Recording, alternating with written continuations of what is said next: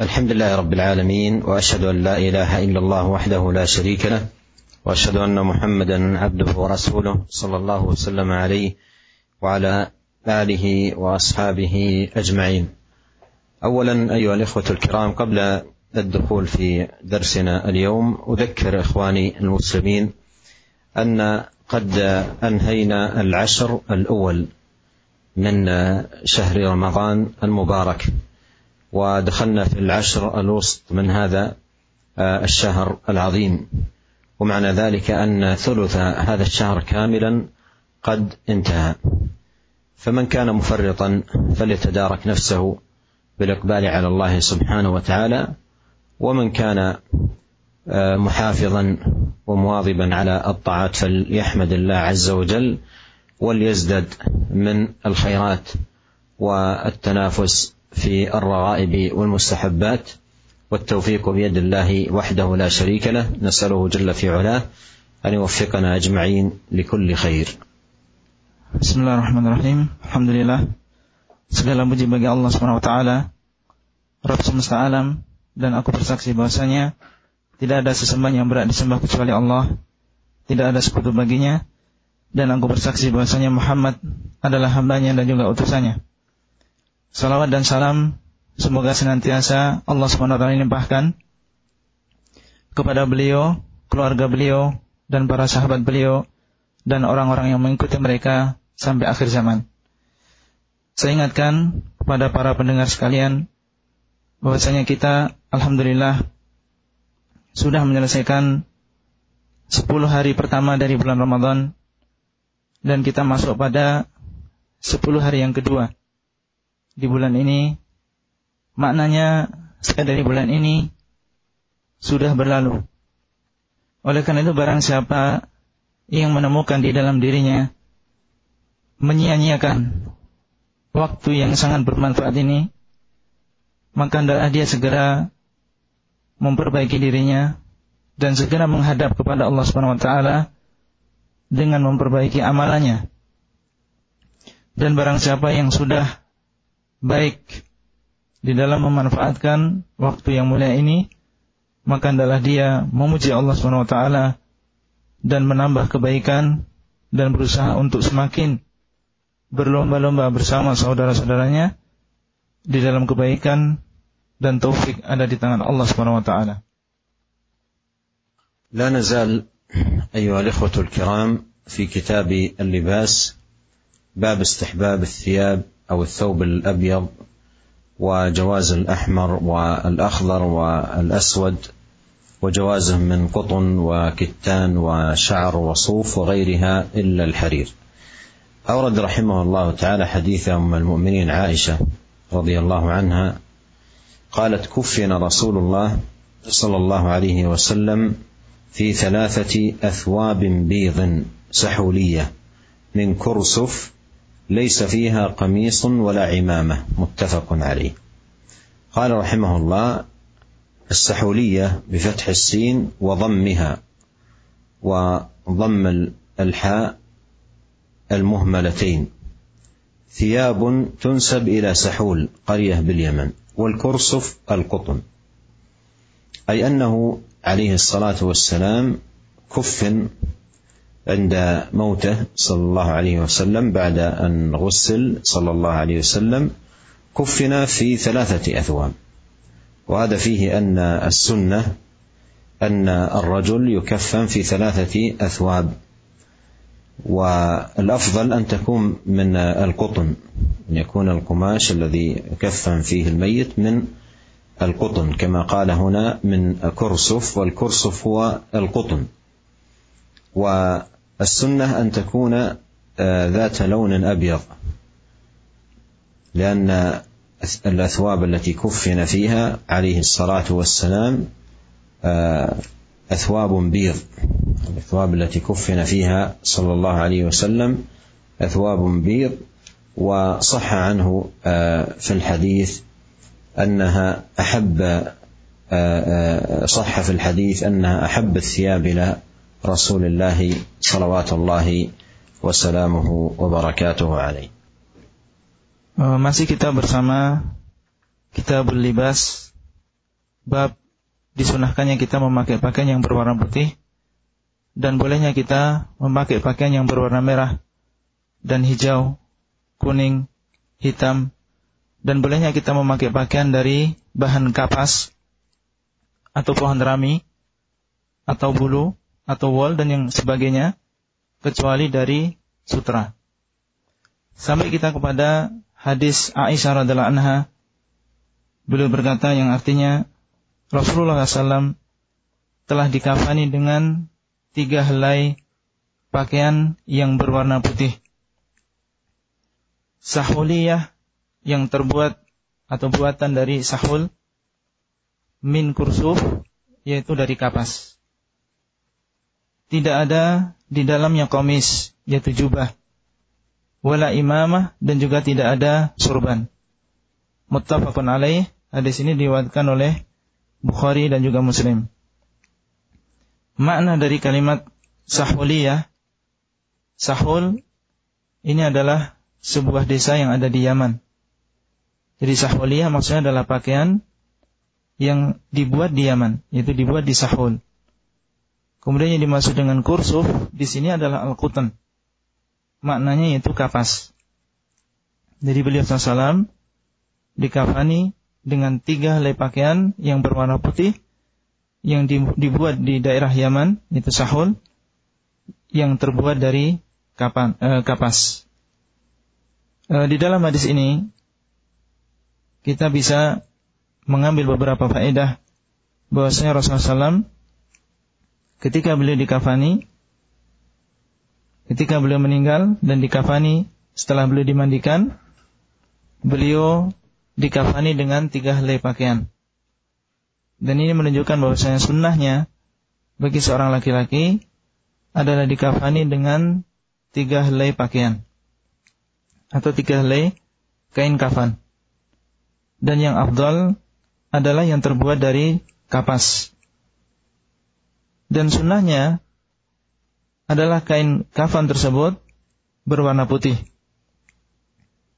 Karena di sini disebutkan atwa bin bidin yaitu pakaian yang berwarna putih, kafan yang berwarna putih.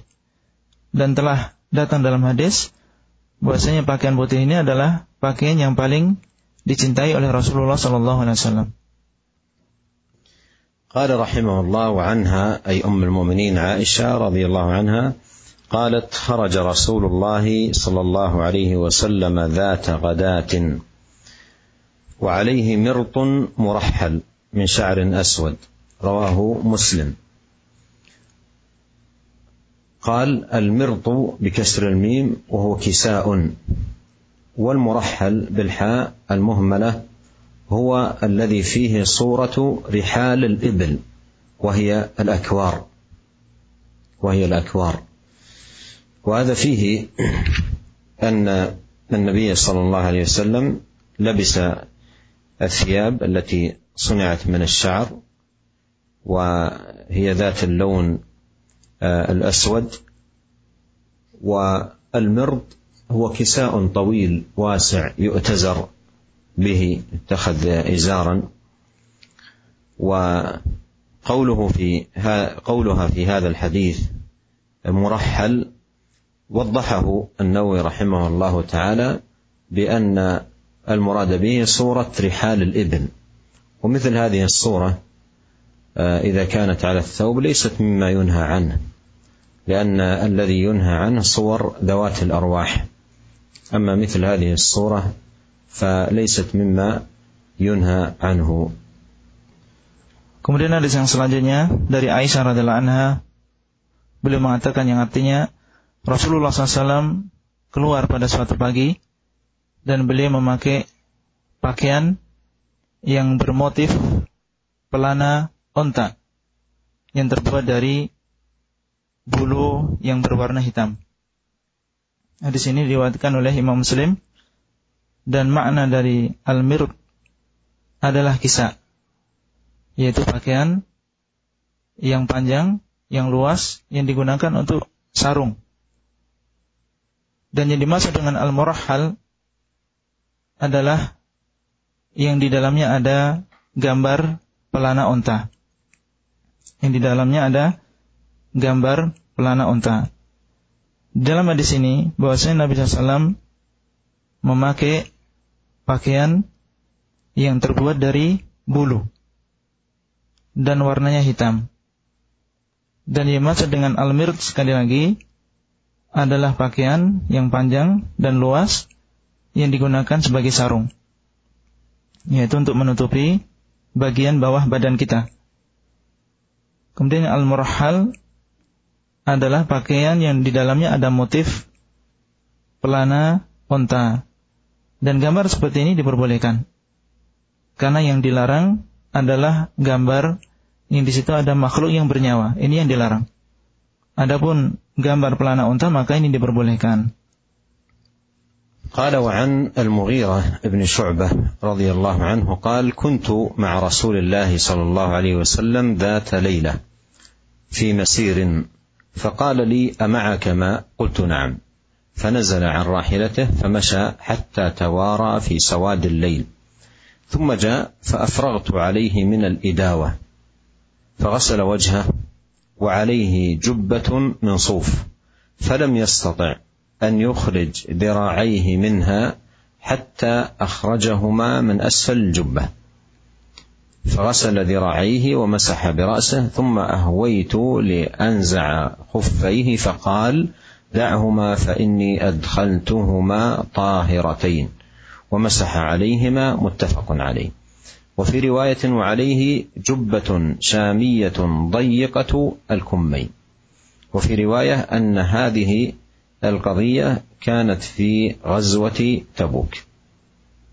وهذا الحديث فيه أن النبي صلى الله عليه وسلم لبس الجبة وكانت ضيقة الكمين ولهذا لم يتمكن عليه الصلاة والسلام عندما أراد أن يتوضأ من فسر الكمين من جهة اليد ليتوضأ حتى نزعها وأخرج يديه من أسفل الجبة أخرج يديه من أسفل الجبة والجبة هي لباس يكون فوق الثياب.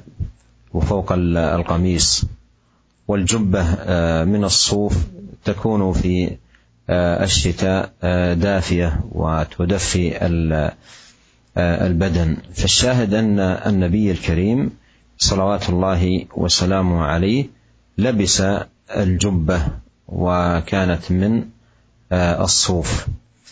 وإذا تأملنا أيها الإخوة الكرام هذه الترجمة والأحاديث المتنوعة التي ساقها المصنف رحمه الله تعالى في هذه الترجمة نجد تنوع لباس النبي صلى الله عليه وسلم فلبس الإزار والرداء ولبس الكساء ولبس القميص وانواعا أخرى من الألبسة وأيضا الوان متنوعة.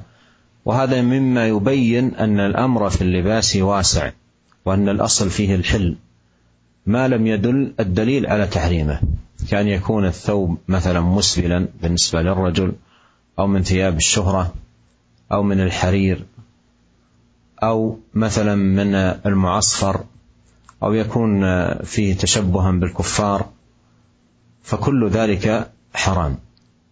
وأما ما لم ينهى عنه في الشرع فالأصل فيه الحل كما قال الله سبحانه وتعالى قل من حرم زينة الله التي أخرج لعباده والطيبات من الرزق. فأنكر سبحانه على من حرم اللباس والمطاعم والمشارب التي أخرجها لعباده نعمة منه ورحمة فدل على أن الأصل الإباحة حتى يأتي من الشرع ما يدل على التحريم. والله تعالى أعلم. Kemudian hadis yang selanjutnya adalah dari Mughirah Ibnu Syu'bah radhiyallahu anhu beliau mengatakan yang artinya aku bersama Rasulullah SAW pada suatu malam di dalam sebuah perjalanan kemudian beliau berkata kepadaku apakah engkau memiliki air? Maka aku berkata iya. Kemudian beliau turun dari kendaraan beliau dan berjalan sampai ditelan kegelapan malam. Kemudian beliau datang dan aku pun menuangkan kepada beliau air dari bejana, maka beliau membasuh muka beliau dan beliau saat itu memakai jubah dari wol. Maka beliau tidak mampu untuk mengeluarkan kedua lengan beliau dari jubah tersebut. Sehingga beliau mengeluarkan kedua lengan beliau dari bawah jubahnya. Kemudian setelah itu baru, baru beliau membasuh, mencuci kedua lengan beliau dan mengusap kepala beliau. Maka aku pun turun ingin melepaskan kedua sepatu beliau. Maka beliau mengatakan, tinggalkanlah keduanya. Atau biarkanlah keduanya, yaitu sepatu dua sepatu tersebut, karena sesungguhnya aku telah memasukkan kedua khuf tersebut, kedua sepatu tersebut dalam keadaan suci. Maka beliau pun mengusap kedua sepatu tersebut. Hadis ini diriwayatkan oleh Bukhari dan juga Muslim. Di dalam riwayat yang lain, beliau mengatakan wa alaihi jubbatun syamiyatun dayyiqatul kummain. Dan beliau memakai jubah yang dibuat di negeri Syam yang sempit ujung lengannya. Di dalam riwayat yang lain, bahwasanya kisah ini adalah terjadi ketika perang Tabuk. Para pendengar yang dimuliakan oleh Allah SWT, di dalam hadis ini bahwasanya Rasulullah SAW memakai jubah yang sempit kedua ujung lengannya. Oleh karena itu, beliau tidak mampu untuk mengeluarkan kedua tangan beliau. Sampai akhirnya beliau mengeluarkan kedua tangan beliau dari arah bawah jubah tersebut. Dan yang dimaksud dengan jubah adalah pakaian yang dipakai setelah kita memakai komis. Jadi komis dalam bahasa Indonesia yang tersebar di antara kita itu adalah sebenarnya adalah jubah. Jadi jubah yang ada di yang ada di sekitar kita itu kita namakan jubah itu dalam bahasa Arab namanya komis. Sedangkan makna jubah yang sebenarnya dalam bahasa Arab al-jubbah itu kalau diartikan dalam bahasa Indonesia adalah pakaian yang menutup al-qamis. Pakaian yang dipakai di luar setelah kita memakai al-qamis. Ini yang dinamakan dengan al-jubbah. Ya, al-jubbah dalam bahasa Arab kalau diterjemahkan dalam bahasa Indonesia adalah pakaian yang menutup al-qamis. Dan al-qamis itu adalah jubah yang yang kita kenal di negara kita. Itu adalah komis dalam bahasa Arab. Beliau mengeluarkan tangan beliau dari bawah jubahnya. Dan syahid dari hadis ini bahasanya beliau sallallahu alaihi wasallam memakai jubah yang terbuat dari wol. Dan apabila kita memperhatikan hadis-hadis yang sudah kita pelajari, kita bisa mengambil kesimpulan bahwasanya beliau SAW sangat bervariasi di dalam pakaian beliau. Kadang beliau memakai izar, itu sarung. Kadang memakai rida, pakaian yang ada di atas pakaian atas. Kadang beliau memakai kisah. Kadang beliau memakai jubah. Dan juga jenis-jenis pakaian yang lain. Dan ini menunjukkan kepada kita semua bahwasanya dalam masalah pakaian ini perkaranya luas. Dan bahwasanya asal dari pakaian adalah hil, yaitu dihalalkan. Selama tidak ada dalil yang mengharamkan. Seperti misalnya musbil dalam masalah pakaian yaitu menjulurkan pakaian di bawah mata kaki. Ini haram karena memang ada dalilnya. Demikian pula memakai pakaian syuhrah, pakaian popularitas, yang membedakan antara seseorang dengan orang lain. Kemudian memakai pakaian bagi laki-laki adalah memakai pakaian sutra. Atau memakai pakaian yang menyerupai orang kafir. Maka ini semua adalah perkara yang diharamkan. Adapun pakaian yang tidak ada larangan dari syariat dalam masalah itu, dalam masalah pakaian tersebut, maka asalnya adalah diperbolehkan. Allah mengatakan, Qul man harrama zinatallahi allati akhraja li ibadihi wat rizq. Katakanlah, siapakah yang mengharamkan perhiasan Allah Subhanahu wa taala yang telah Allah keluarkan bagi hamba-hambanya? Wat tayyibati minar rizq. Dan juga makanan-makanan atau rezeki-rezeki yang baik. Maka Allah Subhanahu wa taala dalam ayat ini mengingkari orang yang mengharamkan pakaian, makanan, minuman yang telah Allah berikan kepada hamba-hambanya sebagai nikmat dari Allah dan juga rahmat bagi mereka. Ini menunjukkan bahasanya asal dari pakaian adalah diperbolehkan sampai datang dalil yang menunjukkan pengharamannya. قال رحمه الله تعالى باب استحباب القميص قال عن ام سلمه رضي الله عنها قالت كان أحب الثياب إلى رسول الله صلى الله عليه وسلم القميص. رواه أبو داود والترمذي. وقال حديث حسن. والقميص هي الثياب المعروفة التي هي مفصلة على الجسم. لها جيب يدخل فيه الرأس. ولها كمان وهي ضافية على البدن. فهذا النوع يقال له القميص وكان أحب الثياب إلى النبي صلى الله عليه وسلم لأنه آه، ثياب لأن هذه الثياب مريحة مريحة في آه، تتميز عن بقية الألبسة بأنها مريحة للبدن أيضا جميلة القمص جميلة على البدن وليست مثل الإزار يحتاج إلى تعاهد ينزل ثم يرفعه وإنما هي ثابتة على البدن. فالقميص تميز عن غيره من اللباس بميزات وكان أحب اللباس إلى النبي صلوات الله وسلامه وبركاته عليه Bab yang selanjutnya adalah bab istihbabil qamis. Istihbab al-qamis yaitu dianjurkannya memakai al-qamis. Jadi sekali lagi al-qamis itu kalau diterjemahkan dalam bahasa kita adalah jubah yang kita kenal dengan jubah.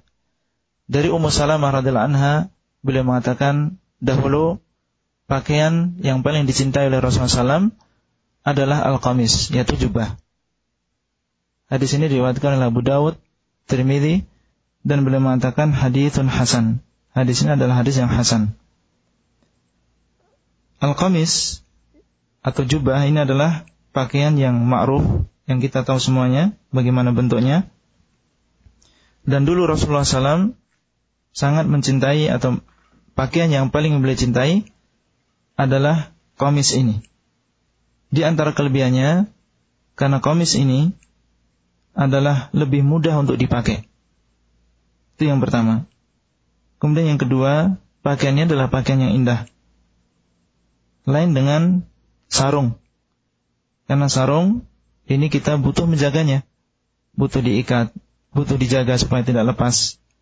Oleh karena itu, tidak heran apabila pakaian yang paling boleh cintai adalah Al-qamis atau dalam bahasa kita adalah jubah.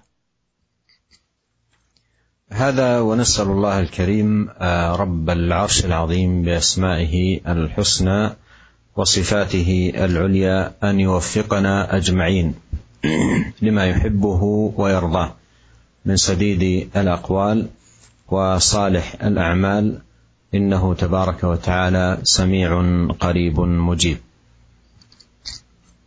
Inilah yang bisa kita sampaikan dan kita memohon kepada Allah dengan nama-namanya yang husna, yang paling baik dan juga sifat-sifatnya yang tinggi. Semoga Allah memberikan taufik kepada kita kepada perkataan yang baik dan juga amal-amal yang saleh.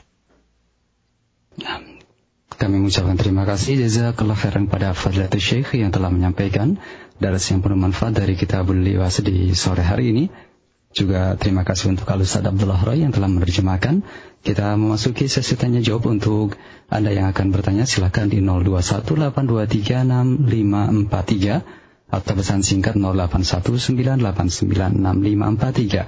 Satu penanya kita coba sapa dari penelpon 6. Halo. Assalamualaikum. Ya, halo. Baik, terputus. Kami berikan kembali kesempatan untuk Anda yang akan bertanya di 0218236543 dan pesan singkat 0819896543 untuk di kesempatan yang pertama kami coba sapa kembali dari penelpon. Ya, halo. Assalamualaikum warahmatullahi wabarakatuh. Waalaikumsalam warahmatullahi wabarakatuh. Silakan dengan siapa dari mana, Pak? Saya Pak Amin dari rumah. Ya, mohon maaf Bapak Amin dikecilkan volume radionya, Pak ya. Ya, silakan Pak Amin. Ini kan kalau pakai pakai gamis itu eh ada khususnya apa gitu.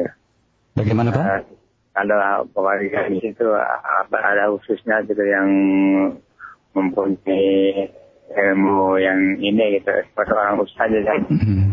Nah, ya kalau kasih. Oh iya, Kom. Baik, terima kasih Pak Amin. Ya, bi- bisa menyimak dengan jelas Ustaz. Coba pertanyaannya diulang. Iya. Iya, pertanyaan dari Pak Amin tadi untuk pemakaian gamis eh, yang tadi dijelaskan apakah hanya orang-orang khusus saja untuk orang-orang yang berilmu atau siapakah yang eh, pantas untuk memakainya? Terima kasih Ustaz. ال- القميص ليس مختصا بالعلماء وإنما هو لباس لباس لكل من أراد آه، ذلك اللباس لكن يتنبه إلى ما سبق الإشارة إليه وهو تجنب ثياب الشهرة لا يميز نفسه عن أهل بلده بلباس يختص به Eh, pertanyaan yang pertama, apakah jubah atau komis dalam bahasa Arab ini ku- eh, adalah pakaian yang khusus untuk orang-orang tertentu seperti para ulama? Beliau rah- eh, hafizahullah taala mengatakan bahwasanya jubah atau komis dalam bahasa Arab ini bukan khusus untuk para ulama. Bukan khusus untuk orang-orang tertentu, tapi ini adalah pakaian untuk siapa saja. Ya, pakaian ini adalah untuk siapa saja.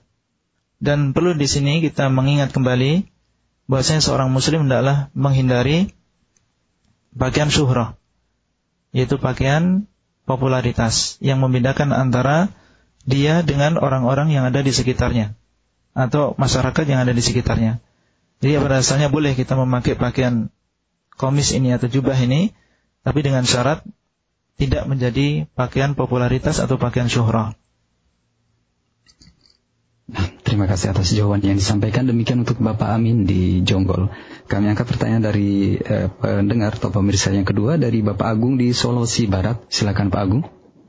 Assalamualaikum Pak. Waalaikumsalam warahmatullahi wabarakatuh. Silakan. begini Pak, eh, mohon maaf ini saya bertanya, saya kan lihat di foto-foto itu Hmm. eh, bahwasanya untuk profesi-profesi khusus di Arab Saudi sana seperti tentara misalnya itu Hmm. eh, pakaiannya untuk celananya di bawah mata kaki. Itu apakah ada pengecual- pengecualian begitu Pak untuk Hmm. profesi-profesi khusus begitu Pak? Terima kasih Pak. Wassalamualaikum. Waalaikumsalam warahmatullahi wabarakatuh. Terima kasih Pak Agung. Silakan Ustaz. جاء في الحديث عن النبي صلى الله عليه وسلم أنه قال أسفل ما أسفل الكعبين من الإزار ففي النار. فهذا فيه نهي آه، وجاء في النهي عن أن يكون ال- القميص أو غيره من اللباس أسفل من الكعبين. جاء فيه عن النبي الكريم صلوات الله وسلامه وبركاته عليه النهي عن ذلك وهذا النهي يشمل كل مسلم Eh, pertanyaan yang kedua, eh, penanya di sini melihat beberapa foto yang di situ dia melihat bahasanya sebagian tentara yang di, ada di Saudi Arabia itu memakai pakaian di bawah mata kaki di bawah mata kaki. Apakah ini merupakan kekhususan eh, apabila eh, pakaian tersebut adalah pakaian profesi maka diperbolehkan? Maka Syekh mengatakan bahwasanya Rasulullah SAW mengatakan ma asfalal ka'bain minal izar fafinar. Rasulullah SAW bersabda bahwasanya e, sarung yang menjulur sampai di bawah mata kaki maka itu di dalam neraka. Dan di dalam hadis yang lain bahwasanya termasuk larangan di sini adalah komis, yaitu jubah.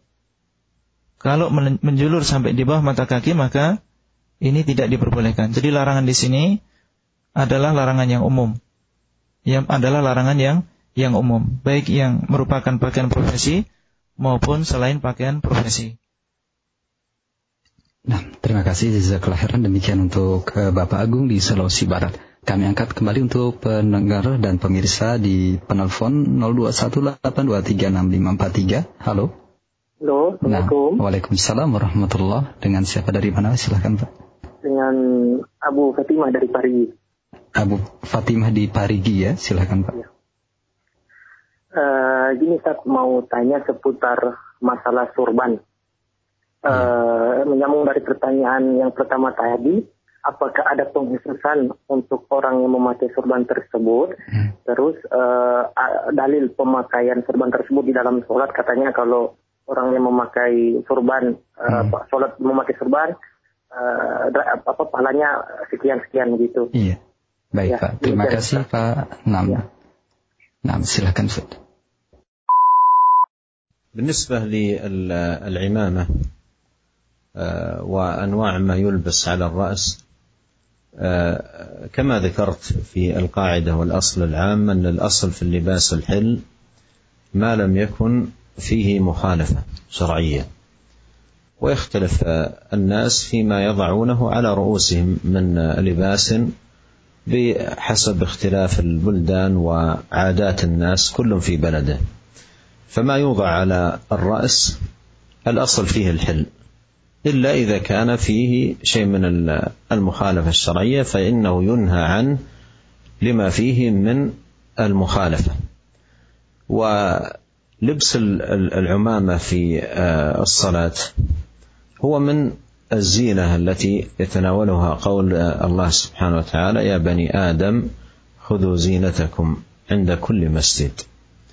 وأما تفضيل الصلاة بعمامة على الصلاة بغير عمامة فهذا ورد فيه حديث صلاة بعمامة خير من سبعين صلاة بلا عمامة وكذا لكنه لا يصح عن النبي صلى الله عليه وسلم. Pertanyaan selanjutnya tentang masalah sorban, apakah ini adalah pakaian khusus bagi orang-orang tertentu atau tidak? Kemudian yang kedua, apakah di sana ada dalil bahwasanya orang yang memakai sorban ketika sholat ini pahalanya lebih daripada orang yang sholat tanpa memakai sorban. Syekh di sini menjawab bahasanya uh, sorban dan juga pakaian yang lain yang dipakai di atas kepala ini pada asalnya adalah diperbolehkan selama tidak ada larangan di dalamnya. Artinya selama tidak bertentangan dengan syariat. Dan ini berbeda-beda di antara manusia. Sesuai dengan asal daerahnya, asal negaranya, dan juga adat masing-masing dikembalikan kepada adat masing-masing. Jadi pada asalnya adalah diperbolehkan kecuali apabila di dalamnya ada pertentangan dengan syariat. Dan memakai surban ini termasuk zina, termasuk perhiasan. Yang masuk di dalam firman Allah Subhanahu wa taala, "Ya bani Adam, khudhu zinatakum inda kulli masjid." Wahai anak Adam, ambillah perhiasan kalian ketika kalian di dalam masjid, artinya ketika sholat. Adapun hadis yang kurang lebih bunyinya, sholat dengan sorban itu lebih baik 70 kali daripada sholat tanpa sorban, maka hadis ini tidak sahih. Hadis ini tidak sahih. Terima kasih Zakallah atas jawaban dan demikian untuk Bapak di Parigi, Sulawesi Tengah. Kami angkat untuk pendengar dan pemirsa yang selanjutnya ada Bapak Abu Muhammad di Jakarta. Silakan Pak Abu Muhammad. Waalaikumsalam warahmatullah. Silakan Pak. Baju gamis atau jubah yang kotak-kotak atau bergaris-garis dan berwarna-warni, apakah itu boleh dipakai? Jazakallahu nah. khairan. Assalamualaikum warahmatullahi wabarakatuh. Waalaikumsalam warahmatullahi wabarakatuh. Eh, gimana pertanyaannya? Apa? Ya, pertanyaan dari Pak Abu Muhammad untuk gamis yang bercorak uh, kotak-kotak dan bergaris-garis serta berwarna-warni, apakah diperbolehkan untuk dipakai. مر معنا في ما ساقه الإمام النووي رحمه الله تعالى من أحاديث ما يدل على ذلك في الترجمة التي قبل الأخيرة ساق فيها رحمه الله تعالى بعض الأحاديث التي فيها تقرير مثل هذا المعنى. يعني جاء فيها أن ال ال ال نعم نعم أن تحدثنا عن عن هذا عند حديث كان رسول الله صلى الله عليه وسلم قد رأيته في حلة حمراء. في حلة حمراء وعرفنا أن المراد ليست المراد بالحمراء الأحمر الخالص وإنما أحمر معه خطوط. ونقلنا كلاما لابن القيم رحمه الله تعالى أنه منسوجة بخطوط حمر مع سود فلا باس اذا كان القميص مقلم فيه مثلا لون اسود واحمر او نحو ذلك نعم Pertanyaannya bolehkah kita memakai komis atau jubah yang di dalamnya ada garis-garisnya dan juga berwarna-warni? Jawaban Syekh kita sudah membahas pada pertemuan sebelumnya bahwasanya Imam Nawawi telah membawakan kepada kita beberapa hadis yang menunjukkan bahwasanya Nabi SAW dahulu mengenakan pakaian yang e, ada garis-garisnya. Disebutkan di dalam sebuah hadis bahwasanya beliau memakai hullatin hamra, yaitu memakai hullah yang berwarna merah. Dan sudah kita sebutkan bahwasanya berwarna merah di sini adalah bukan warna merah saja.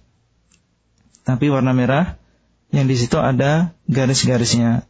Dan disebutkan oleh Ibnul Qayyim bahwasanya garis-garisnya ini berwarna hitam. Garis-garisnya ini berwarna berwarna hitam. Ini menunjukkan tentang bolehnya kita memakai pakaian yang bergaris-garis bergaris-garis, ya. Nah, Terima kasih atas jawaban yang disampaikan. Demikian untuk Bapak Abu Muhammad. Kami angkat pertanyaan yang datang dari Bapak Firdaus di Cirebon dan Ibu eh, Yusuf atau Bapak Yusuf di Jakarta yang bertanya yang sama. Assalamualaikum warahmatullahi wabarakatuh. Ya Syekh, ada pakaian yang bahan dasarnya dari kain tebal, akan tetapi ma'ruf di negeri kami dikenal sebagai pakaian yang uh, pakaian yang ketat, semisal blue jeans atau yang sejenisnya. Nah, bolehkah bagi kami untuk memakai bahan kain tersebut tetapi digunakan e, memakai atau digunakan untuk membuat pakaian atau baju atau e, celana yang lebar e, jenisnya? Demikian.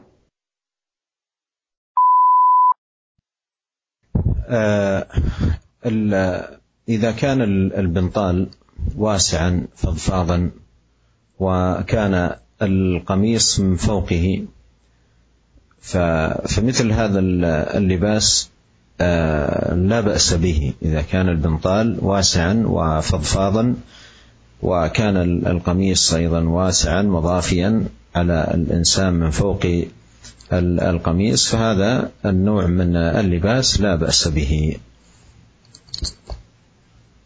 Pertanyaannya, bolehkah kita mem, e, membuat sebuah pakaian atau memakai sebuah pakaian yang terbuat dari bahan jeans. Di mana bahan ini yaitu jeans ini biasanya dipakai untuk uh, sebagian orang dengan ketat, yaitu dengan memakai pakaian ini dengan pakaian yang ketat. Syekh mengatakan apabila pakaiannya lebar dan uh, memakai komis atau jubah di atasnya maka diperbolehkan.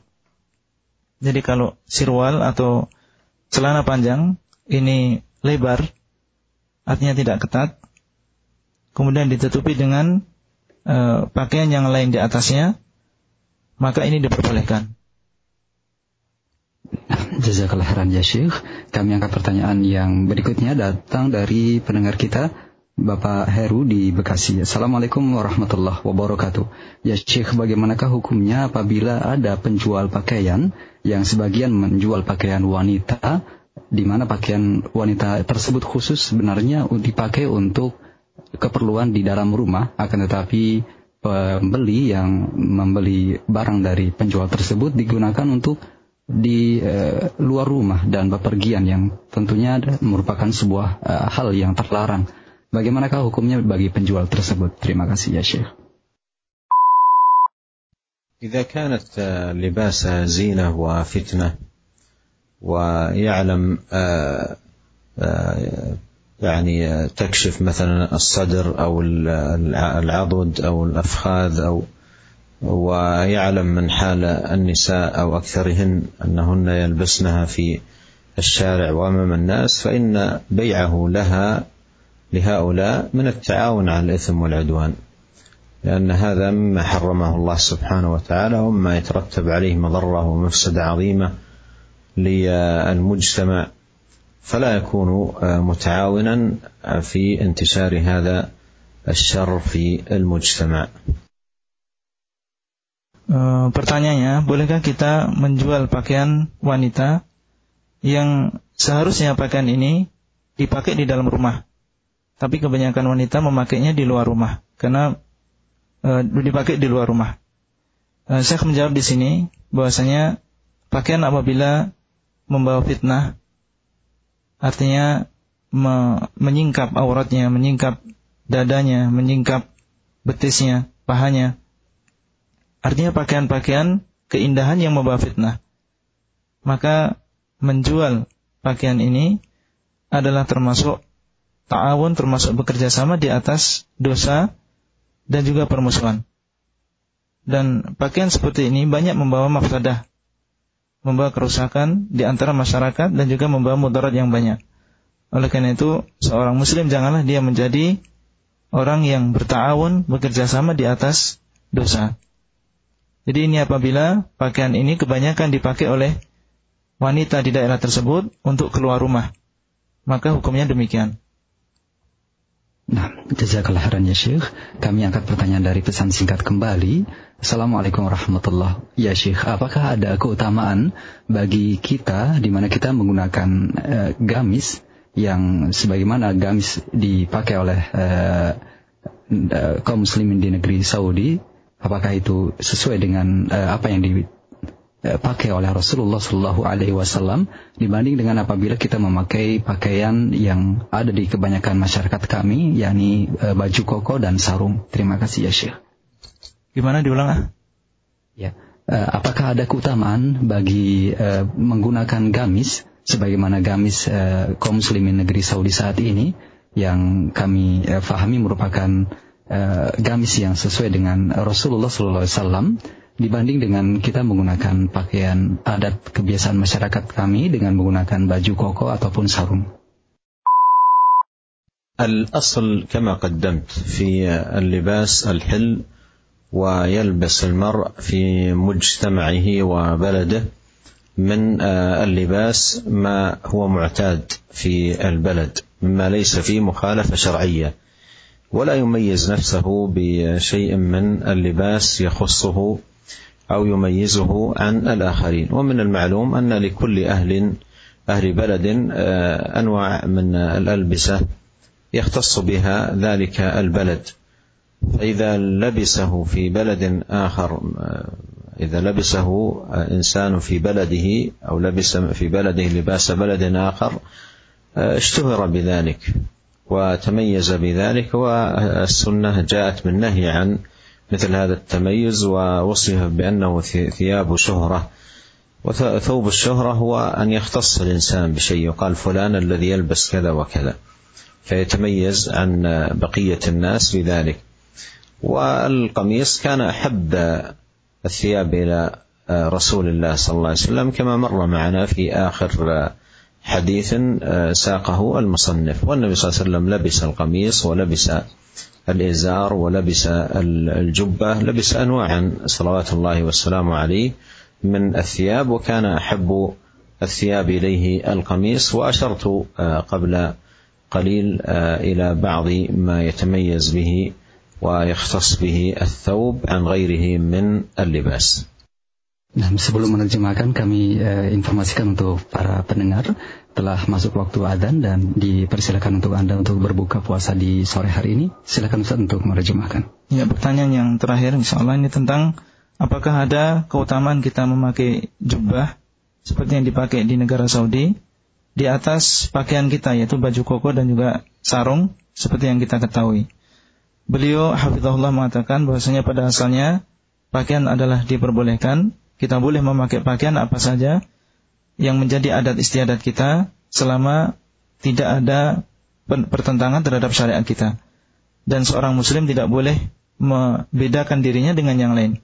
Jadi setiap negara itu memiliki pakaian-pakaian yang merupakan adat istiadat negara tersebut dan apabila kita memakai di negara kita pakaian orang lain, artinya pakaian dari negara lain, maka sunnah Nabi SAW telah melarang yang demikian. Ya, Rasulullah SAW telah melarang kita untuk memakai pakaian syuhrah, yaitu pakaian popularitas yang membedakan antara kita dengan masyarakat kita. Dan yang dimaksud dengan pakaian syuhrah, pakaian popularitas adalah pakaian yang apabila dipakai seseorang, ini masyarakat akan mengatakan si fulan itu loh yang memakai pakaian ini dan itu. Artinya membedakan antara dia dengan yang lain. Adapun komis yaitu jubah dalam bahasa kita ini adalah pakaian yang paling dicintai oleh Rasulullah SAW dan beliau SAW juga memakai pakaian yang lain. Kadang memakai izar, sarung, kadang memakai jubah, kadang memakai pakaian yang lain. Seperti yang sudah kita terangkan di dalam uh, pertemuan-pertemuan uh, ini. Nah, terima kasih dan kami memohon uh, Syekh untuk menutup perjumpaan kita. واسال الله عز وجل لنا اجمعين التوفيق والسداد انه سميع قريب مجيب والى لقاء اخر والسلام عليكم ورحمه الله وبركاته. Waalaikumsalam warahmatullahi wabarakatuh. Jazakallah khairan ya Syekh. Nah, aku memohon kepada Allah Subhanahu wa taala uh, taufik dan insya Allah kita bertemu lagi pada pertemuan yang akan datang.